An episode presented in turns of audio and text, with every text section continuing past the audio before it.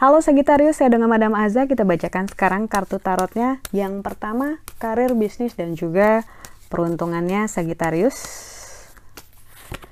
Kartu yang keluar adalah Hierophant.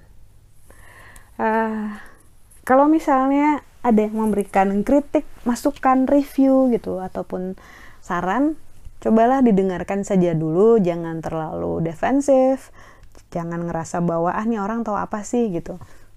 Sorry, bahkan dalam omongan 100% nih ya, yang salahnya mungkin ada 90%, yang 10% tetap ada kebenaran. Misalnya seperti itu. Dan 10% ini adalah suatu hal yang berharga untuk kita denger aja dulu, untuk kita ambil gitu ya.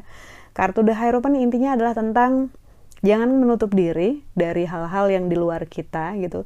Hal-hal yang kita ngerasa kita udah tahu ataupun kita nggak nyaman gitu. Mungkin dengan kita membuka diri, satu tangan di telinga, kita absorb new knowledge, new, uh, ilmu baru, kebijaksanaan baru, pengalaman baru dari orang-orang, network teman-teman baru gitu ya, kita bisa mendapatkan sesuatu hal yang berharga. Kalau belum apa-apa udah kita cut dari awal gitu ya, uh, ya kita nggak akan ke mana-mana. Kita akan ngerasa bahwa oke, okay, saya cukup seperti ini. Padahal mungkin kapasitas kamu masih bisa di stretch, ditarik lagi, dan kamu masih bisa bertumbuh lebih banyak lagi. Lalu untuk percintaannya Sagittarius, Kartu yang keluar adalah Chariot. Sedang melalui masa-masa yang tidak mudah dan memerlukan keseimbangan karena ketika kartu Chariot keluar ini sedang nunjukin relasinya atau energinya nggak balance nih, nggak seimbang. Ini juga menunjukkan bahwa tujuan yang ingin dicapai masih jauh di depan. Jadi kayak perlu daya tahan atau endurance untuk bisa sampai ke sana. Biasanya ketika kartu ini keluar, orang tuh lagi capek atau akan merasa capek dengan relasi yang dijalani. Jadi istirahat aja dulu kalau misalnya mau istirahat boleh dijalani langsung boleh tapi kalau misalnya merasa terbebani dan ngerasa salah nggak sih Bandam kalau saya give up istirahat dulu baru kemudian bikin lagi keputusan dalam kondisi yang jernih dalam pikiran akal dan hati yang juga bersih karena kalau misalnya kita bikin keputusan berdasarkan emosi nah khawatirnya nanti menyesal tapi kalau sudah yakin antara akal, antara hati, semuanya udah sesuai gitu ya. Monggo silahkan apa pun yang terbaik buat kamu. Karena kartu chariot ini menunjukkan adanya ketidakseimbangan dalam relasi.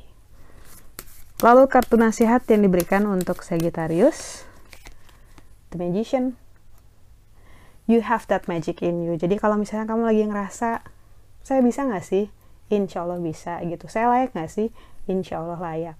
Seorang pesulap ini punya charm, punya keajaiban, punya kemampuan untuk bikin hal-hal yang tidak mungkin jadi mungkin, hal-hal yang nggak ada jadi ada.